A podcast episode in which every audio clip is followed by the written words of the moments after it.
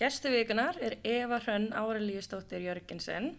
Eva er fætt 27. janúar árið 1989 í Reykjavík. Hún lög BA-prófi í mannfræði frá Háskóla Íslands árið 2013 og MA-prófi í hilsumannfræði frá UCL Háskóla í London árið 2015 og mastersprófi í miðjarðarhafsfordlegafræði frá EKBA Háskólanum í Aþinu. Hún vinnur nú að doktorsrannsóksinni undir leiðsöng Jónínu Einarstóttur við Háskóla Íslands. Rannsókn Efu fjallar um reynslu ungmenna á COVID-19 heimsfaraldunum. Sæl Eva. Sælar. Velkomin. Takk, takk.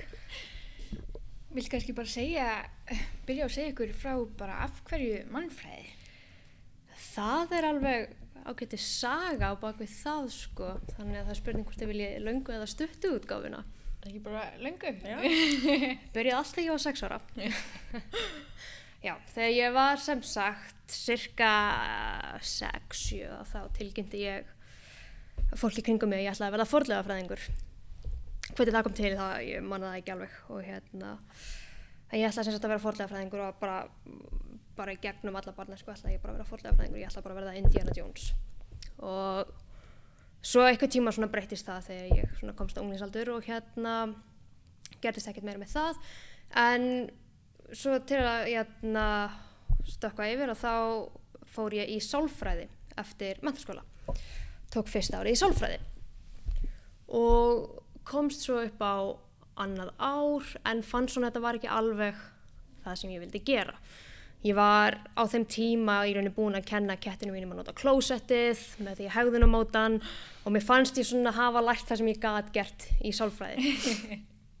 Og þannig að það sem að gerist og ég er þá að vinna í álverðinu í Strömsvík var þar sex sumur og eina hérna þannig ég er sem sagt með liftarar og brúkranar réttindi og má hérna, já, taka hluti á, liftara upp að 10 tónnum, nei 8 tónnum en anyway, að hérna og svo eftir eina nætuvaktina þá er ég að lappa heim, ég býja stundakvörðunum og, og er að lappa heim með einum hérna vinnu mínum af vaktinni á kjarskálanum og hérna og við erum svona að ræða saman hvað við ætlum að gera og hann var þá búin að taka eina önn í mannfræði.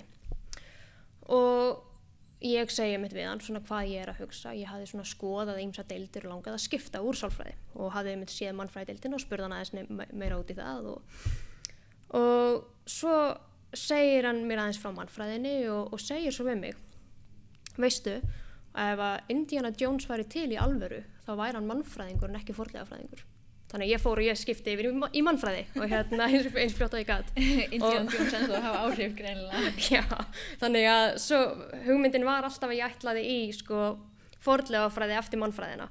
En svo bara einhvern megin fann ég heilsum mannfræði og tók einhverju svona uppeyju og er ennþá í mannfræði í rauninni þannig að þetta er svona, já, svona sagan af því hvernig ég endaði einhvern megin svona óvart í, í mannfræði Snild. Og en af hverju ferðu þá í þessu átt svona hilsumannfræði átt? Það er, þó ég hafi kannski um, ég hérna svona kannski mist áhugan á sálfræðinni per se að það er alltaf svona eitthvað sem að toga mig þar sko og það var í, til dæmis í börn og barnaska hjá Jónínu Einars sem að ég áttaði mig á því svona hvaða veg ég svona vildi feta í þessu að því að að hérna, þú getur nota þegar þú ert að vinna að til dæmis uh, rannsóknum með börnum og unglingum að það er rosalega mikið sálfræði svona involveruð í, í þeim rannsóknum og mér fannst það volað spennandi. Og svo þegar ég hérna er að skoða heilsumannfræði, ég man ekki af hverju ég hérna, fór í og skoða University College London en þeirra heilsumannfræði deild er svolítið fókuseruð á sálfræði líka að ég fór, ég, ég læriði hérna Anthropology of Psychiatry og, og þessa hluti. Þannig að ég fekk í rauninu svona það sem ég fann svona besta úr svona báðum heimum og ég fekk að hafa sálfræði með en ég fekk samt að horfa á sko menningaþáttinn svona menningambita þáttinn og ég var að læra hjá hérna Róla, uh, Ronald Littlewood sem að e, var þá í sko stjórn uh, hjá þeim hérna samtökum sem að er að endur skoða DSM greiningartækið. Því að hann var þá geðlækni sem að varð mannfræðingur og var þá að vinna í því að þessu cultural competency að, að gera sálfræði meðferðir hérna betri fyrir til dæmis minnhlutahópa og það fannst mér mjög, mjög áhugaverð En hvernig er eins og við alltaf kannski könnumst hvað best við menningarlega mannfræði og félagslega mannfræðin en hvernig er svona hvað, sálfræðilega mannfræði, hvernig er hún svona öðruvísi eða hvern, Mm. Já, hvernig er hún öðruvísi en hitt Já, það er kannski nálgunin, sko. Í fyrsta lagi, ég er ekki með fólki í meðferð og hefur rauninni og sko blítin áhuga því að svona þerapæsa fólk. En þetta er eins, jæna, þetta er meira svona hugmyndin að, að skoða hvernig við hérna sérstaklega með heilsumannfræði, hvernig hérna við skiljum og skiljum heilsu og hvernig samfélagið og umhverfið og menningin hefur áhrif á það. Til dæmis ef við horfum á þunglindi, að þunglindi hefur bæði hérna, líkamlega byrtingu og hún hefur menningarlega byrtingamind. Hún hefur mismunandi byrtingamind eftir aldri, eftir kynjum, eftir í rauninni fólki.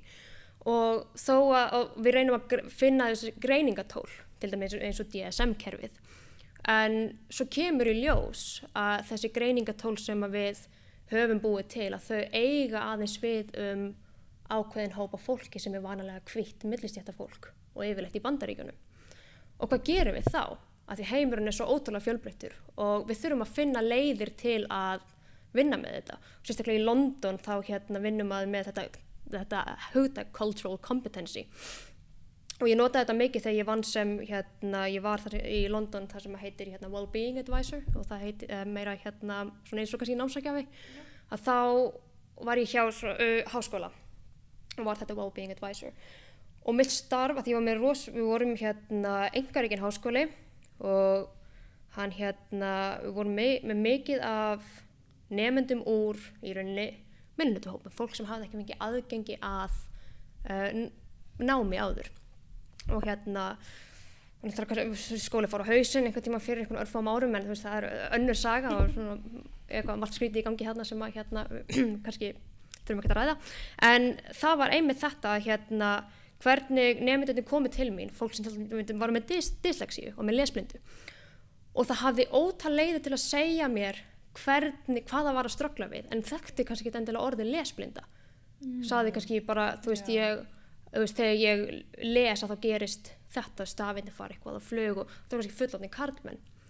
Og fólk sem var uh, hérna, með kvíða og það var, mér fannst oft rosalega menningamöndi, oft, oft svona pinpointa svona hvaða fólk var eftir hvaða notaði til þess að lýsa því hvaða var að upplifa.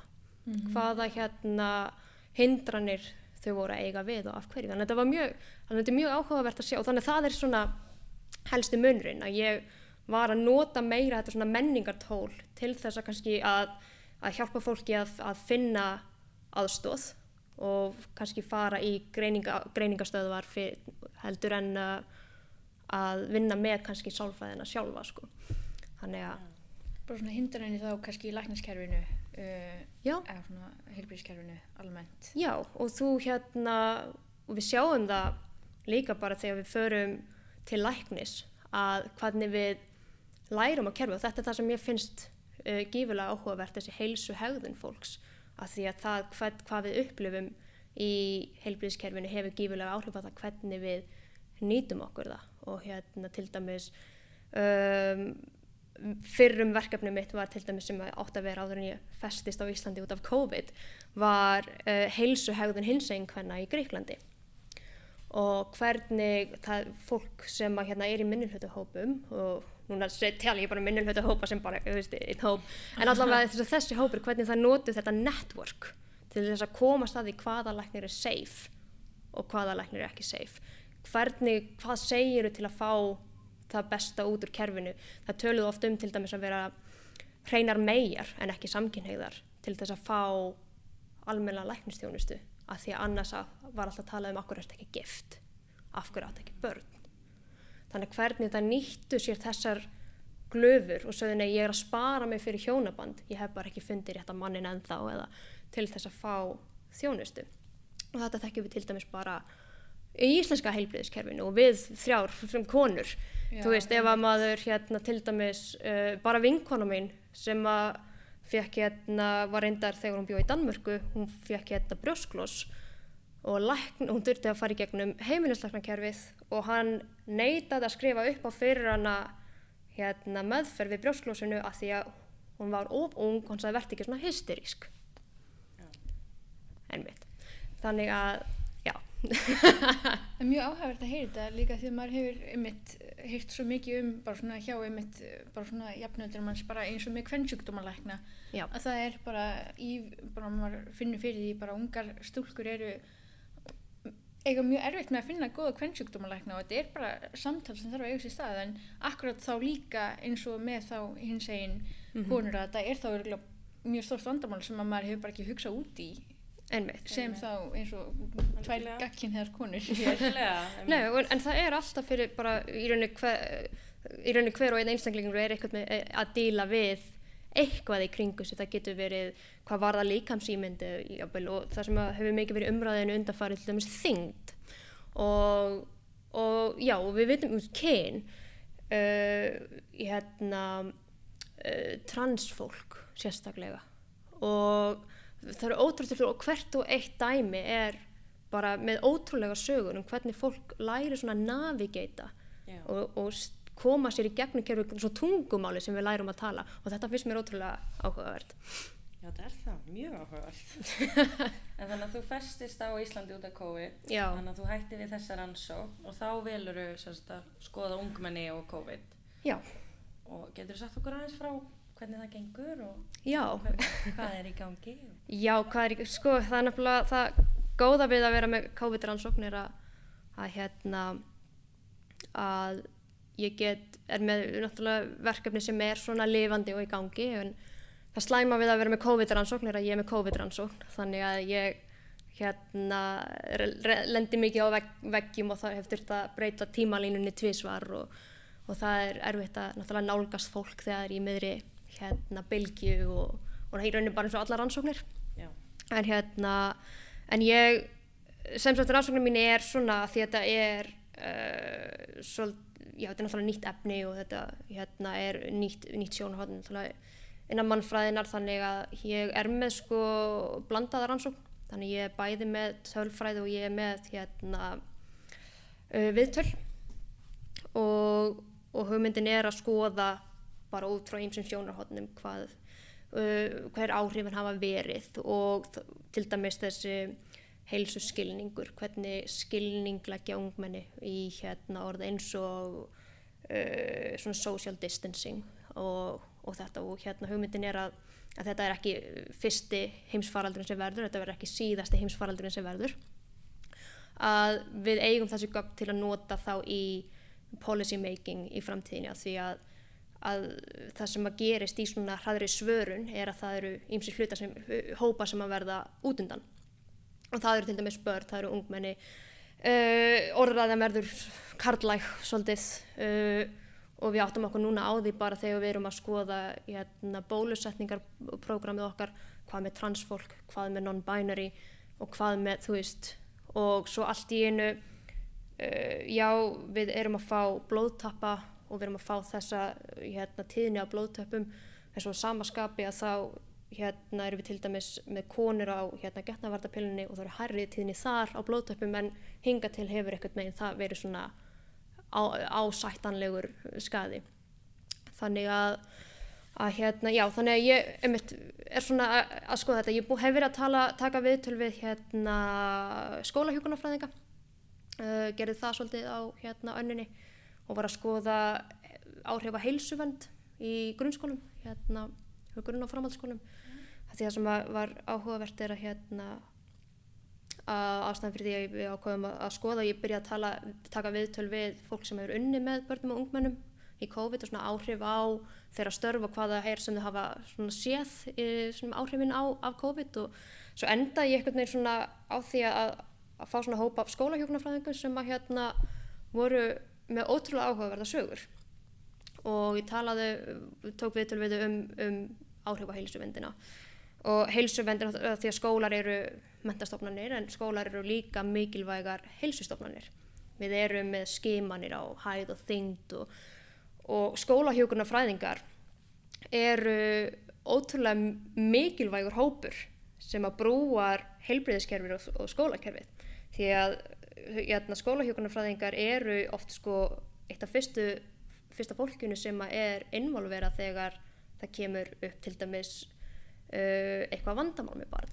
Hvort sem það er uh, hérna hvað var þar líkanlega þroska andleg veikindi uh, heimilisofbeldi að þá er skólahjókunarfræðingun oft hérna, bara eina fyrstu manneskinu sem er kölluð að kallaðu til og það sem að gerist í COVID er að skólahjókunarfræðingar eru teknir úr skólanum og settir í COVID-svinna, svara símanum og svara uh, og stiðja við helbriðiskerfi eru í hérna COVID-skimunum og eru, eru tekin úr skólanum, skólahjókunarfræðingar og, og líka skólasálfræðingar þau fengur til dæmis ekki aðgang allavega þeir sem ég hef talað við. Og það töluðu um að hérna mitt hafa hérna í mars, byrju mars uh, verið te teknar út úr skólanum og komu aftur bara í lok annarinnar.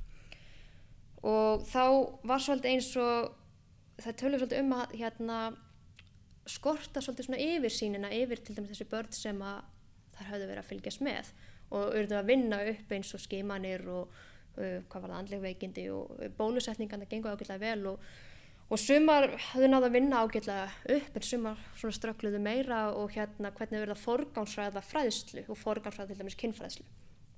Og fræðslu sem heiti líka minn minn að það var ákveð á landsvísu svona hvað það er átluðu að hérna uh, að, já að forgámsræða hvað væri best fyrir börnin hvað mætti ekki hérna missa úr. Þannig að það er mjög áhugavert að sjá hvernig heilsuvendin hefur svona þurft að aðlaga hana út af COVID og út af bara uh, tímasparnaði og bara kási og, og hérna erfileikum og, og þetta er liðið með slutur sem að hefur ekki komið upp á yfirborðið. Þannig að þetta verður svona áhugavert að, að skoða meira. Já, það er ekkert smá áhugavert af því að maður er ekki búin að vera að pæla í þessu þetta kemur ekki til frétt Nei, það, þannig, þannig að... nei, nefnilega sko og hérna þannig að það eru ymsir, ymsir þættir af COVID sem við eigum eftir að að skoða betur. Og ég áttaði mig engan veginn á því þegar ég byrjaði að taka viðtölu við skólahjókunarfæðinga ég var að taka bara svona snjóbolta úrtak var svona bara já, þú veist að rauninni bara svona skoða hvaða þemu ég myndi kannski raukast á þegar ég fyrir að við, taka viðtölu við, við, viðjólinga og, og einhvern meginn þá er svo áhugaverð saga bara þarna einn og sér. Bara heilsuvendin í skólakerfinu og hvernig þau eru að eh, bara starfsfólkið er sem er sérstaklega í í hérna þessum heilsumálum og náttúrulega fókis er ég á það þegar náttúrulega fullt af fólki skól, hérna, kennararnir uh, og, og námsvækjafirnir sérsögur hann hvernig þau hafa reynd að leggjast á eitt til að einhvern veginn halda utanum börnin og það gengur svona stundum vel og stundum illa og, hvaða langtíma áhrif þetta munir líka hafa á COVID því að það verða ábyggilega svona, svona secondary áhrif á því setna meir sko En þú ert þá að taka viðtöl við uh, líka unglinga, er það ekki? Já. Og hvernig gengur það? Það byrjar núna í haust. Ég, ég þarf eiginlega að fylg, láta þau viðtöl fylgja skólakerfinu. Uh, það senkaði líka því þurfa að fara í gegnum siðferðisnefndina þannig að það, það senkaði sko og hérna þannig að þetta er svona eins og ég segi, þetta er svona búið að vera áreikstra, búið að vera og hérna uh, senkun eins og mörgum rannsóknum á meðan COVID er í gangi en þannig að maður hefur reynda að gera það sem maður getur. En já hvað hérna við ákvæmum að láta að byrja uh, við þau viðtöl í, í haust. Og hérna þannig að það gengur vonandi eftir og, og vonandi bara verða allir bólusetti þá og, og bara já hvað sem fengum við það. Vonum það. Já. Við, hérna, ég var líka að spá að því að hérna, ég var það var ráðstefna hérna, hérna, á við HÍ bara í gæður og fyrirdag ef mann rétt og þá er að tala um hérna, einmitt hvernig svona sérstaklega hérna, meðal háskólanum að það er svona meiri kvíði og einmannalegi einhvern veginn og, og líka bara eins og bara svona líkamsmynd mm -hmm. orðin verri og bara út af þá minni svona líkamverði hilsu og þetta er svo ótrúlega einhvern veginn margt sem er bara búin að svona sem þetta hefur áhrif á? Nefnilega og það sem að COVID er eitt en svo þessi hérna, ég veit ekki hvort ég hef segið það á íslensku annar styggs áhrif eða svona uh, svona secondary impact sem, sem maður segir að ennsku sem að mun koma í ljós á sko næstu árum. Og til dæmis í mínum viðtölum við þá skóla hjókunarfræðinga að það, það sem hafði verið já, í, í sínu starfi í svolítinn tíma og mun upplifið til dæmis hrunið. Að þær, og ég tala um þær í kvenkinni að þetta voru allt konur sem að ég fekk sem veitum með viðtal. En hérna en þær talaðu um þetta um þær voru að horfa til hrunsins þegar það voru að spá fyrir og reyna að plana fram í tíma hvað myndi gerast. Að því að í hruninu að þá komu í rauninu hérna, full áhrif ekki ljós fyrir einu, tveimur árum setna að því að á meðan hlutin er að ganga yfir allir eru einhvern veginn bara svona að reyna að synda í gegn og, og komast í gegnum hlutina. Og svo eins og við erum að finna svolítið núna sem talaðum um þessi COVID-þreita að við sjáum til lands og þá þreytist fólk. Já. og þetta tekist í stríðs, stríðsrekstri líka að fólk bara þreytist. Og, og núna er þetta líka með að koma í ljós þessi önnur áhrif af COVID þessi, þessi eins og við erum að hérna, ég hef heyrt frá til dæmis barnalæknum sérstaklega hérna, í London mikið um ádraskanir hjá unglingum sem að þau eru að díla við þar sko. uh, og þetta er eitthvað sem að er uh, svona já þema sem er að þetta inn hér líka uh, það er náttúrulega kvíði og við erum að sjá þunglindi ég er með úr mínu viðtunum bæði þú veist jákvæður og neikvæður sögur að hérna fyrir sum börn að þá virtist upplifunin ekki vera svo slæm að þeim fannst betra jafnvel að, að þegar þau mættu í skólan að þá uh, var ekki eins mikið hreyfing og ekkert mikið umstangi gangi og þau voru í skólanum í þrjá tíma og fóru svo bara heim og, og leið betur. En fyrir marga þá er einmitt þessi er þetta sem fer svo illa í okkur sem mannfólk að það er óvissa og, og aðstæðu sem við getum ekki stjórnað og núna í, hvað, í eitt og halvt ári erum við búin að vera með bæði bara að heimsvísu. Og, og þetta er rosalega áhrif sem þetta hefur á okkur. Þannig að núna þegar við erum svona að sjá til lands og svona áfram á næstu árum að þá munum við bæði sjá sko í rauninni raunverulegan skada af COVID, bæði andlega og líkamlega. Fólk sem á næstu kannski þú veist eins og til dæmis með spænsku veikina að við það var ekki vita fyrir einhverjum áratugum setna hver raunverulegu skadi var að því að það er svo mikið af annarstegs áhrifum sem að koma fram á næstu áratugum sem að við tengjum svo síðan þá við, við spænsku veikinu og núna við COVID Það er svona þessi andlega líka að vera svona félagslega einangráður og sem hefur svaklega áhrif á. Það gerir það og ég veit ekki hvort þið finnir það en, hérna, en eins og núna þegar maður fer og hittir vini að mér finnst ég svona að hafa miklu meira, minna úthald í það að vera í kringum fólk. Algjörlega. það er svona, maður er svona þreyttur mjög fljótt einhvern veginn. Já, að það er einhvern veginn maður hafði ótrúlegt úthald í það bara að socialisa og bara einhvern megin bara vera með fólki ég einhvern megin því ég er búin að vera að sitja í og spjalla við einhvern veginn við kaffibótling kannski einn og halva tíma þá þarf ég bara, þú veist, alone time. Þannig að við vorum líka að spá í, núna erst þú búin að vera í einna háskóla á Íslandi, tókst í einna bachelorgránu þar og svo ferðu út. Mhm. og ferðu í svona frekar flottan og virtan háskóla úti. Hvernig er svona, hvernig er breytingin að vera að fara úr íslensku námskerfi yfir í svona brest, alveg svona, Já, það var alveg, það var alveg upplifun. Um, það var fyrst þar sem ég áttaði mig á því að ég er úr verkamannastjætt. að hérna, eitthvað sem ég hafði aldrei í áður.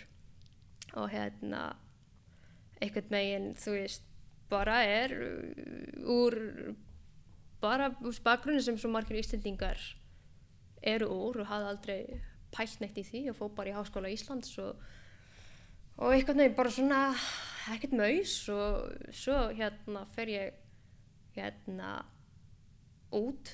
Og ég fer hérna kemst inn í þessa deild þarna hjá hérna UCL og, og bara úða gaman og, og svo uh, kem ég og hérna og við vorum tvær úr verkamannastjætt það var ég og hérna önnur frá bandaríkunum og við virkilega vorum bara svona eins og bara svona stakk allaka svo þam sko.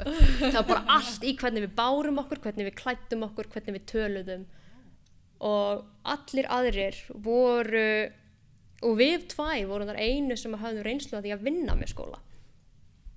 Þú veist ég er búin að vinna sem ég var 11 ára gömul. Og á Íslandi er það bara ekkert, ekkert tiltökum mál, bara um leið og þú getur og þá varstu fann að auglýsa barnapössun til að bara, þú veist, múst, vinnan göfgar mannin og allt það sko. Og svo fer ég þarna í, í þennan skóla og ég aftar mig, mig á því að hérna að ég var í, í kringum fólk sem var á svipumaldri ég og þau voru svo upptekinn að því að aðrir uh, skinnjuðu það sem gáfað.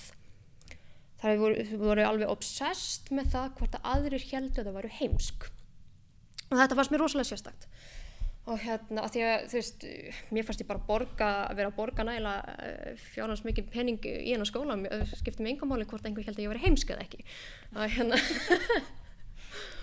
og og samt ótrúlega gaman í, í þessu námi.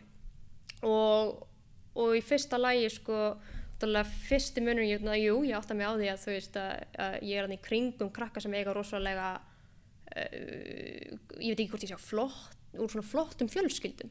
Að pappi einnar vinnur hjá sko alþjóða heilbreyðistofnuninni og, og þú veist og mamma þessarar þú veist og þú eru tengd inn í veist, skólan og dildina og þú veist og, og ég hugsa bara ég, ég þekki bara ekki neitt. Ég bara er hérna, ég bara sótti um að komst inn. Og hérna en það sem ég upplýði líka var að vera í, í deild sem að var með fjármagn. Af því að á þeim tíma að, þá hérna var þessi deild, hún var uh, nummer tvö á eftir heilsumannfræðildin í Edinborg. Og í mannfræði þá heimsvísu já, í, í, já, í hérna heilsumannfræði á, já, á heimsvísu. Og mannfræðildin eitthvað svipuð og hérna og þannig að þau hafðu fengið svo mikið fjármagn að þau hef, voru nýbúin að kaupa allt húsið sem við vorum í. Og alveg ótrúið bara flott bygging og svona garður svona rétt við hliðina sem maður bara farið þú veist og lesið og íkortandi reyna að pikka í blasveitna hjá manni og, og, og bara svona alveg bíómynda bara í London bara líka í London, já. bara í svona frekar miðsvæðis. Já, bara þarna í hérna Bloomsbury Camden og var í rauninni bara já, bara mjög miðsvæðis og bara mjög æðislegt að vera þarna. Og og annað er það sem ég upplýði er að það var allir til bara peningu til að gera hluti svo ég flög til að skóna í hérna Sviss til að fara á landsættraðstöfnu sem að deildin borga og það var hérna Kristoffer Nolan sem að hérna, borgaði þetta undir okkur því hann er tengdur við þessa deild. Bara endalins að tengingar já þannig að þegar ég, einmitt, þannig að þegar ég hérna var uh, búin að þá var ég beðin um að skrifa þakkabrif til Kristoffer Nolan til fyrir að hafa sendt mig til að skóna Já, sem að hérna, ég einmitt, uh, held eitthvað smá erindi á einhver svona lítilli ráðstöfnu einhverju landsættiráðstöfnu sem að ég veit svona ekkert hvað, hvað var þú en ég bara ég og það var einmitt þetta sem ég það, einmitt það sem ég segir að allir hefði svo miklu ágjörð því að þú veist það eru hérna einhverju upplýðað þau heimska því að þau þorði ekki að sækja um. Ég bara stekk á all tækifæri og sótti um. Ég hugsaði bara, ég hef enga að tapa. Yeah. og þannig endaði ég með því að sitja og fá með te og kökur með Emily Martin sem er ótrúlega flottur heilsumöðanfræðingur og, og við vorum eitthvað tíu sem að fengum tækifæri til að gera það og ég náttúrulega bara stekk og spurði hana um allt og á þeim tíma var hún að hún er svona uh, fær gífulegan áhuga á einhver í svona nokkur ár og svo verður hún að skipta því að henni leiðist. Þannig hún er búin að gera ótrúlega margt og á þeim tíma var hún að gera rannsókn á sálfræðinumum í New York háskóla af því að henni bara, hún sagði sálfræðingar eru svo sérstakir og ég ákvaða að skoða aðeins að snú umræðinu við. Aðeins, já, aðeins að skoða hvernig það er því að við erum búin að skoða lækna við erum búin að gera rannsóknir á, á læknisvæðingu og hvernig læknar eru þjálfaðir. Ég ætla að gera það sama við sálfræðinga. Og bara fór og, og skráði þess að fyrsta ári í sálfræði og bara gerði vettvann og skráði sig í sálfræði þá meðan? Já og hún var bara mætandi í tíma og bara með blokkinu og bara fylgjast með nefnum í, í sálfræði við New York háskóla og hérna já og svo hérna held ég tveggja dagar áðstöfnu því það var til peningur sem að deildin hérna átti eftir og, og við vorum spurð hvort að við vildum halda ráðstöfnu og ég sagði bara já. Og svo bara já hvernig ger ég það? Og, hérna, og, og ég ákvaði að gera það því að hérna, leiðbindarinn minn sagði ef þú gerir þetta þá færðu hérna, það færðu budget 200 pund til að kaupa vín. Ég sagði bara ok, herðu hérna, og svo ég endaði ég röldi inn í Sainsbury's og hérna og endaði með einhverja sko kerru sem var tvöfald þar í nýja bara full af vínflaskum og röldi yfir með það í skólan og, og hérna og í kringu þetta organisuðum við hérna tvekja dagar aðstöfnu þar sem við fengum þú veist professora og nefnendur þú veist hvaðana úr Byrjallandi til að ta tala um hérna tengingu líkom og sálar í, í heilbreyði og þetta gerði ég að því að ég vildi eigða 200 pundum í vín. Þannig að, að hérna og það allt í nú gæti maður gert þessa hluti sem að einhvern veginn átt að maður sé á því þú veist að vera í Háskóli Íslands hefur margt að, að bera en einmitt að upplifa þetta að maður er flógin eitthvað til, til Sviss og einhver ráðstöfnu sem að, þú veist var eitthvað voðalega lítal ég hugsaði bara hvað er ég að gera hérna? En bara þú veist ok. Og, og hérna til einmitt bara svona já við þurfum að eigða þessum pening viljum einhver, eigða 200 pindi vín og halda ráðstöfnu bara já ok. Bara svona nóg til. Já, einhvern veginn bara svona og ég einhvern veginn að því að ég vissi ekki betur því ég hafði bara ekkert svona sans fyrir því að, að pæli því hvort einhvern held að ég verði heimska eða ekki og það stökki bara allt saman og ég gerði bara allt saman. Og þetta var ótrúlega skemmtilegt ár og ég læriði ótrúlega mikið líka ekki bara úr tímum og, og þess að það heldur líka bara á, á því, bara af samlemndum mínum og í samræðum við, við aðra því að hérna, við vorum í sér herbergi sem var bara fyrir hérna mastersnefnana og við sátum þar og hengum saman og vorum bara að tala um hilsumannfræði og, og hérna og þú veist og svo komið doktorsnefnandir inn og einhvern veginn svona þú veist það var alltaf hérna svona seminar á fymtudögum og, og eftir seminari var þú veist wine reception alltaf vín og snakk og eitthvað og hérna og ég var með var með samning, ég geta hljóma kannski núna sem ég sé hérna ég drakk nú ekki svona mikið Nei, það var í háskóla Já, ég var í háskóla en ég var samt með hérna því ég borgaði sko all, svona international fees. En ég var með sko svona munlegt samkomla við Söru Gibbon sem var yfir heilsumannfræði deildina ég vildi fá hérna skólagjöldum mín tilbaka í fríu víni. Þannig að alltaf þegar hún hérna hittum á 50 dögum þá passa hún alltaf hún skildi tvær vínflöskur eftir fyrir mig. Nei Hún er bara helginni bara. Já, Já. alltaf bara ég er að fara heim, hvað er Eva? Og svo bara, hérna Ég, það er alltaf eitthvað frábært. Það er það svona miklu, sam, miklu samvindu við starffólkið og svona sem að við erum reynda líka mikið hér. Já, en það er með Já, erum við þessi svona egalitarian approach sem ég Já. kannski átti ekki alveg vona á sko. Nei. við köllum okkar prófessor allt bara með fyrst, fyrsta nafni og, og allt Já. saman sko.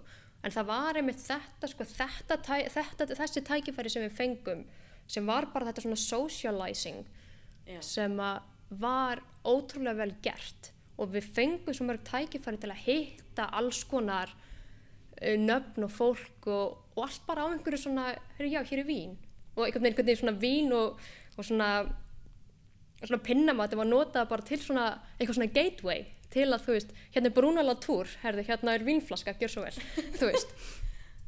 Þannig að, að hérna það var ótrúlega flott og svo hérna ótrúlega alveg akkur og döfugt þegar ég fer hann í Ekva í Aþenu og það er, þú veist, ríkisreikin háskóli og það var, hérna ég ger alltaf, það, Joe uh, sagði alltaf það í gríni að hann væri svona post-apocalyptic bunker og sem var hennu rétt hjá mér að því að þetta var hennu bygging sem var hérna smíðu 1982 og að því að Grekki munu ennþá vel hvernig það var að vera undir einræðistjórn og þeir eru svolítið svona aldrei aftur þetta er aldrei að gerast aftur og þannig að byggingin var í fyrsta lagi eins og völundarhús og, og hún var hönnuð þannig að því að ef að það er hérna kúp það sem að ríkistjórni reynda að steipa ríkistjórninni að þá er þetta byggingin sem að ríkistjórnin verður flutt inn það er þyrlupallur á hérna þakkinu.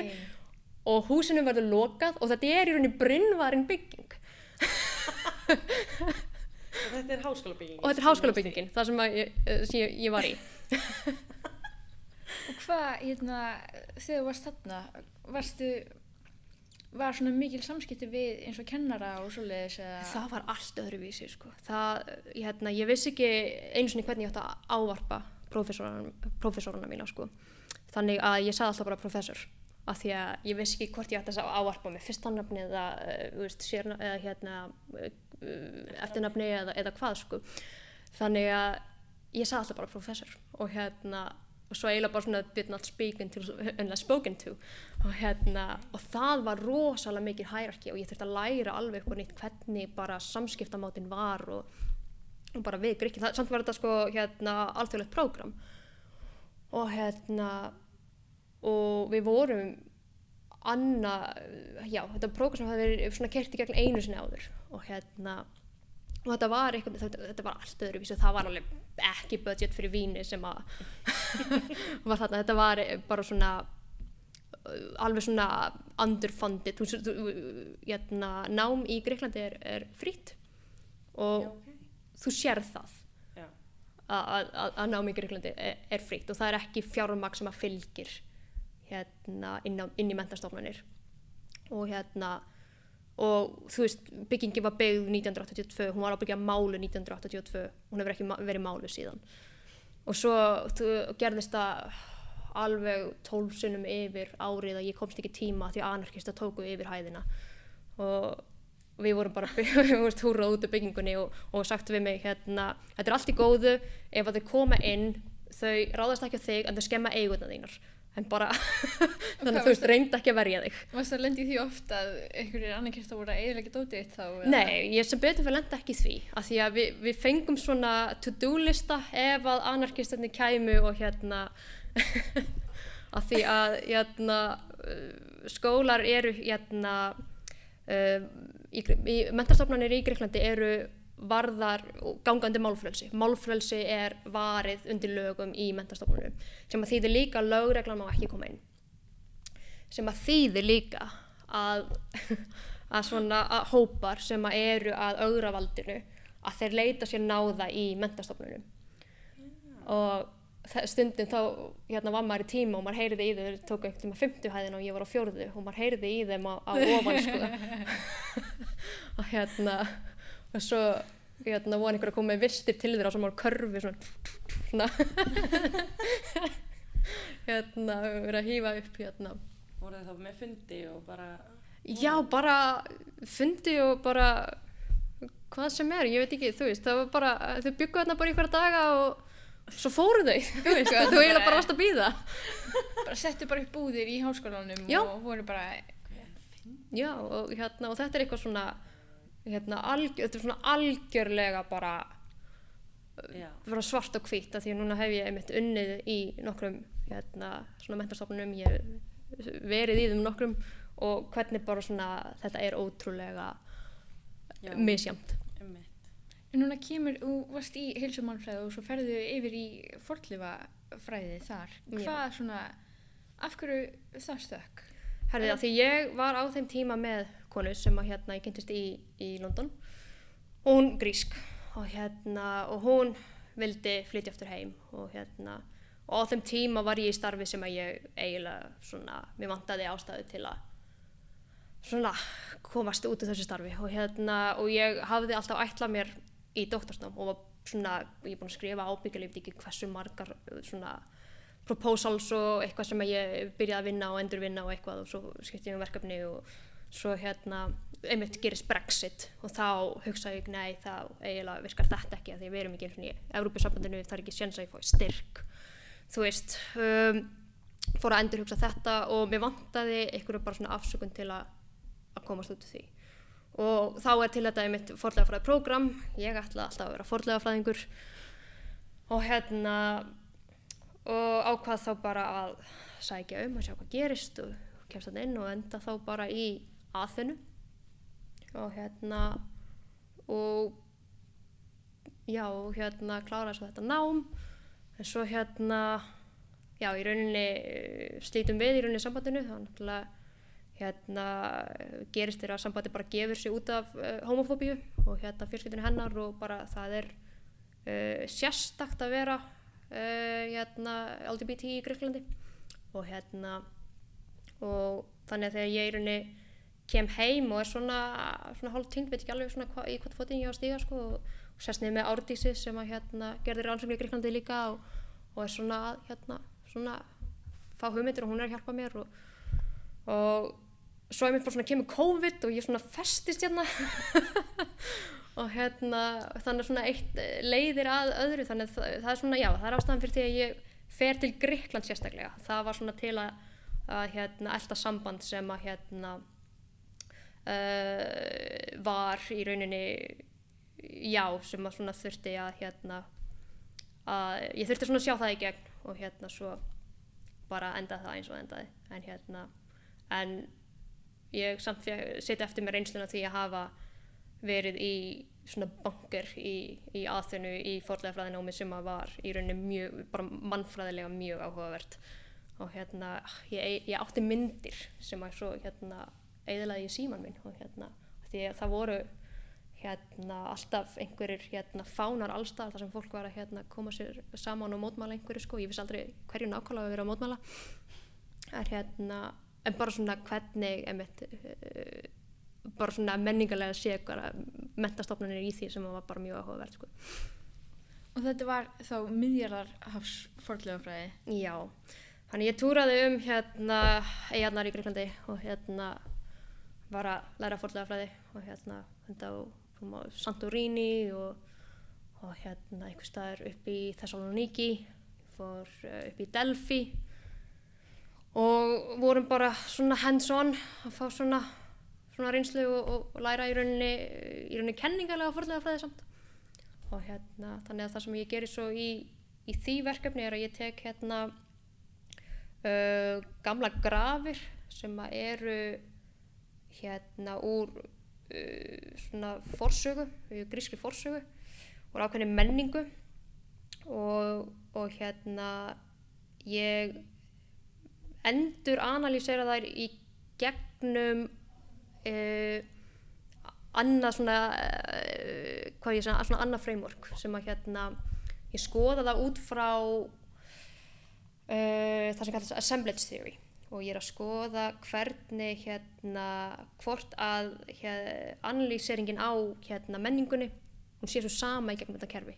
Og, þetta, og hérna því við vitum forðlega fræði að hérna þetta er rauninu tólkað mm. og oft mjög karlæg tólkun við lærum ákveðna hluti af sögunni en aðrar ekki. Og það er fólk sem að voru uppi fyrir kannski 80 án síðan sem að ákvað það að þetta er það sem við myndum læra og þetta er, er tólkunin þannig að ég prófaði að tólka út frá öðru sjónarhóttni og komst í rauninni að svolítið svona kannski aðeins annar í niðurstöðu hérna að sko, þetta er svona allt svona meira flæðandi og, og eitthvað svona þú veist að hérna svona skoðaði hús personhood hérna og, uh, og hérna og, og fann í rauninni svona mikri lendingu heldur en svona því að þetta var hérna uh, forsóðlega menning sem voru svona, svona, her, svona herská var svona mikið karlmennska og svona í kringum þetta og ég fann svona miklu lendingu uh, í því hérna í gegnum þetta kerfi þannig að þetta var, já, svona það sem að En finnst þið að skilja tala um, um sko fórlegafræði og kannski þess að kalla ykkur svona mm -hmm. tólkun á hlutum sem að kannski er svo auglósir kannski frík konum að því manni mitt að þegar ég sótt um UCL á hérna uh, á sínum tíma mm -hmm. þá satt ég hérna, nýnum að svona fund mm -hmm. hannig, og þú var hérna profesor úr mannfræð og forðlegafræð og hún var hérna að tala um einmitt en það er oftir reynda að tala um þetta en, en hann stein það sem er búið að skera í þess að 28 daga Já, einmitt, einmitt. Og, og kallar alveg bara hvað gæti þetta einmitt og hérna, einmitt, þetta er bara til að fylgjast með tunglinu Já eða? Alveg bara, sko, svo heyrir maður líka bara því þetta var upptaka og svo heyrir maður alla stelpunar í salnum bara heyrir svona klíður í salnum eitthvað sem strákarnir strákarnir í salnum eru ekki eins og fatta sko. einmitt, og þess vegna segir maður að sjónarhóttni skiptir máli og að gera grein fyrir sjónarhóttinu og, og eins og við hefum alltaf hvernig við hefum áhrif á vettvongin okkar. Og þannig að þetta einmitt skiptir svo, svo gífurlegu máli að því að þegar við hugsum út í það að hérna hvað, hvaða fylltir til dæmis sagan hefur farið í gegnum og hvaða fylltir heilsa hefur farið í gegnum. Þannig að og hvaða fylltir við sem samfélag og orðræðan í samfélaginu okkar hefur farið í gegnum. Uh, þá veist, það er hugmyndir sem við höfum um, um kyn og, og kyngerfi og, og fólk og Íslendinga. Uh, hugmyndir sem við höfum til dæmis um sjálf, sjálfstæði.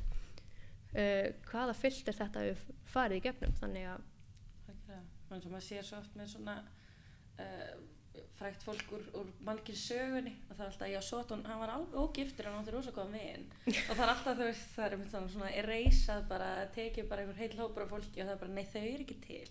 Veist, það er þurfa allir að fytt inn í veist, Mhm. þessa kassa. Einmitt, þannig að það er einmitt, þegar maður svona kannski aðeins byrjar að kveikja og þá svona, mm, eða? Svona, byrjar svona allir að pæla, það er svo það þarf einmitt, maður þarf að vera svolítið að halda sér sjálfum kannski Já, nefnilega. Og hérna, og þú veist, já, einmitt þegar maður einmitt sko skoðar þessa þætti aftur, þú veist, með til dæmis það sem við vitum í dag, þú veist, og, og hversu, þú veist, margir ólust upp með frængu sem að bjó með vinkonu sinni af því að það var hagkvæmt. Og það sá við í sama herbyrgi því það var hagkvæmt. Já, hérna og, og, og þetta er í rauninu bara svona ótrútt og við gerum alltaf grína því að hérna að því að nú er ég með annari konu og hérna við segjum, segjum alltaf hérna, jú eins og sagan þekkir okkur. Rosalega góðar vinkonur. Mjög gott.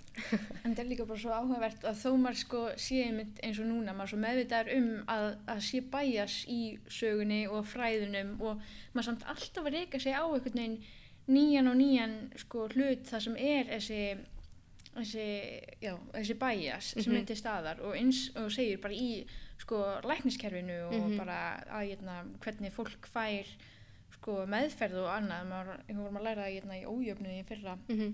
hérna bara eins og með bara hvort að læknar treysta um, innflytjandum að fylgja ákveðnum hérna, svona meðferðar úrræðum og eru þá kannski að leiðbina þeim í að gera eitthvað annað sem að er kannski miklu bara inngrip eða eitthvað því að Mhm. þeir bara, já og líka bara eins og æ, hvað ætla ég nú að segja hérna nei, bara hérna til dæmis tungumál og örðuleikar svona hvort þú segir eitthvað reyna, hvort þú segir eitthvað í þá, þátíð að nútíð mm -hmm. veist, eitthvað svona að það geti haft áhrif á sko, hvernig, hvernig það er túlkað Mhm. og þetta er eitthvað sem að mér hefði bara aldrei dottið í hug að geti haft áhrif og, og vegna er mitt svo gaman að sjá að fólk er bara virkilega núna að, svona, að, skoða þessa hluti einmitt.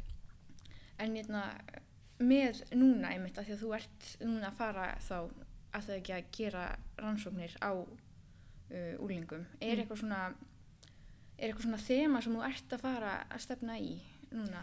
Eða hvað er? Já, það er svona aðalega einmitt svona hver upplifunin hefur verið og hver skilningurinn hefur verið og það sem að ég er svolítið, hef svolítið áhuga á að sjá er hvernig þættir af COVID, hvaða þættir við tökum með okkur inn í daglegt líf. Og hérna því að hvað í rauninni breytist og hvað í rauninni verður eftir.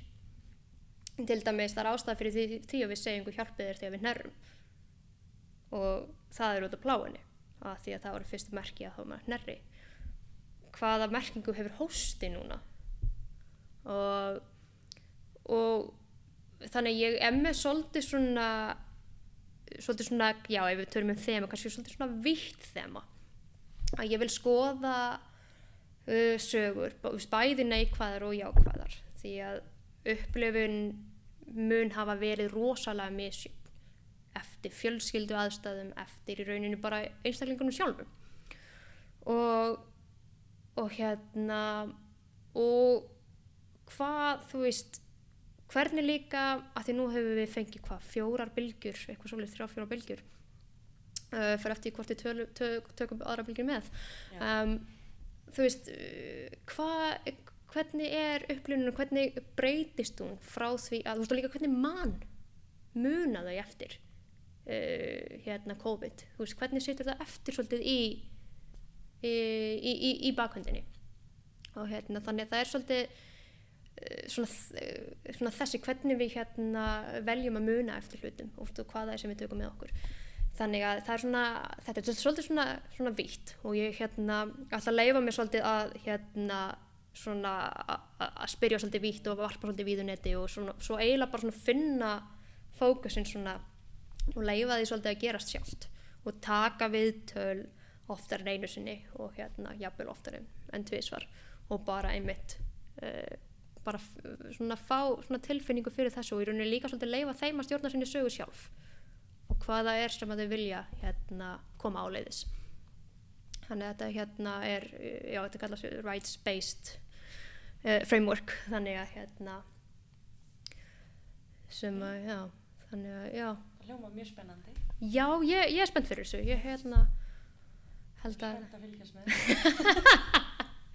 Já, ég hérna er spennt að sjá sjálf hvað kemur út úr þessu og hérna á hversu fleiri veggjum ég lendi. Þú ert ekki að fá leið á COVID og svona umræðinu því ég langar bara alveg Ég- að dýpa hún í Ég er svo mikið nörd að ég, Haldin uppi. já, ég einhvern megin, jú, maður er náttúrulega orðin hundleiður á þessu en, en að sama skapi þá er ég með einhvern veginn svona óbílandi forvitni á fólki þannig að, að hérna, að ég einhvern veginn finn alltaf einhvern svona punkt sem að mér, mér finnst svona áhugavert að skoða sko. Og svo er ég líka í, uh, í samtökum sem heita ISOP og það eru svona alþjóðla uh, hérna, samtök fyrir hérna rannsakendur, ég vil eitt barna hérna læknar, svona eiginlega barnalæknar og ég. Og hérna og þannig að ég er mikið á fundum út af COVID, ég fæ mikið af upplýsingum hvað er að gerast í öðrum löndum.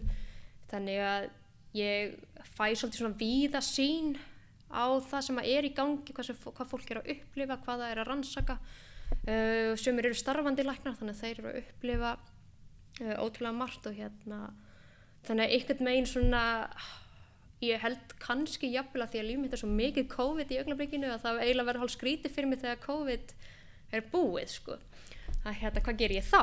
Þú fær bara frákvörf já eiginlega sko. Að hérna ég hef einhvern veginn bara svona fundið einhverja leið svona í gegnum þetta með því að reyna svona uh, þekkingasköpun og, og nýta þetta í, í þekkingasköpun að hérna að þegar ég svo klára og COVID er búið og þá eiginlega bara svona já hvað svo? Að hérna. Þú verður bara svona típan í partíinu sem hættir ekki að tala um COVID. Nei, einmitt, þegar allir er ógæslega leiðir af COVID að þá er ég ennþá að reyna að koma einhverjum COVID-námskeiðum í gegnum Háskóla Íslands. Það er alveg, ætlar ég að koma, getur hún talað um eitthvað annað en COVID? einmitt, það verður orðin að svona drikkjuleik sko, hver skipti sem hún segir COVID og þá taka allir Allir sopa sko. í einu hóðnir Læsi Já, þannig að þetta verður, já, þannig að þetta verður áhugavert. Ég hérna, en bara, já, eiginlega eins og svo margir það verður gott þegar, já, ég segi þetta verður búið en ég líka veit að þetta verður ekki búið, þannig séð, sko, þetta, það verður alltaf leifar eftir og hérna, þannig að við sjáum hvað gerist. Einhver að bera kennsla á þær leifar. Það þarf einhver að bera kennsla á þær leifar og það, svo manneskja, getur verið ég eins og hver annar, þannig að. Já, ég held að sé ekkert meira sem að Nei. aftur þetta í hug. Sem þið langar að segja okkur að lókum. nei, ég held ég hefði bara svolítið látið gamminn geisa, bara þokkalega. Frábært. Það var mjög áhugavert. Góðu vettvangur að gera það í podcasti sko. Já, er það ekki? Jú. Já, ég hérna, Maður hefur svona heyrt á því einhvern veginn Já, já. Já.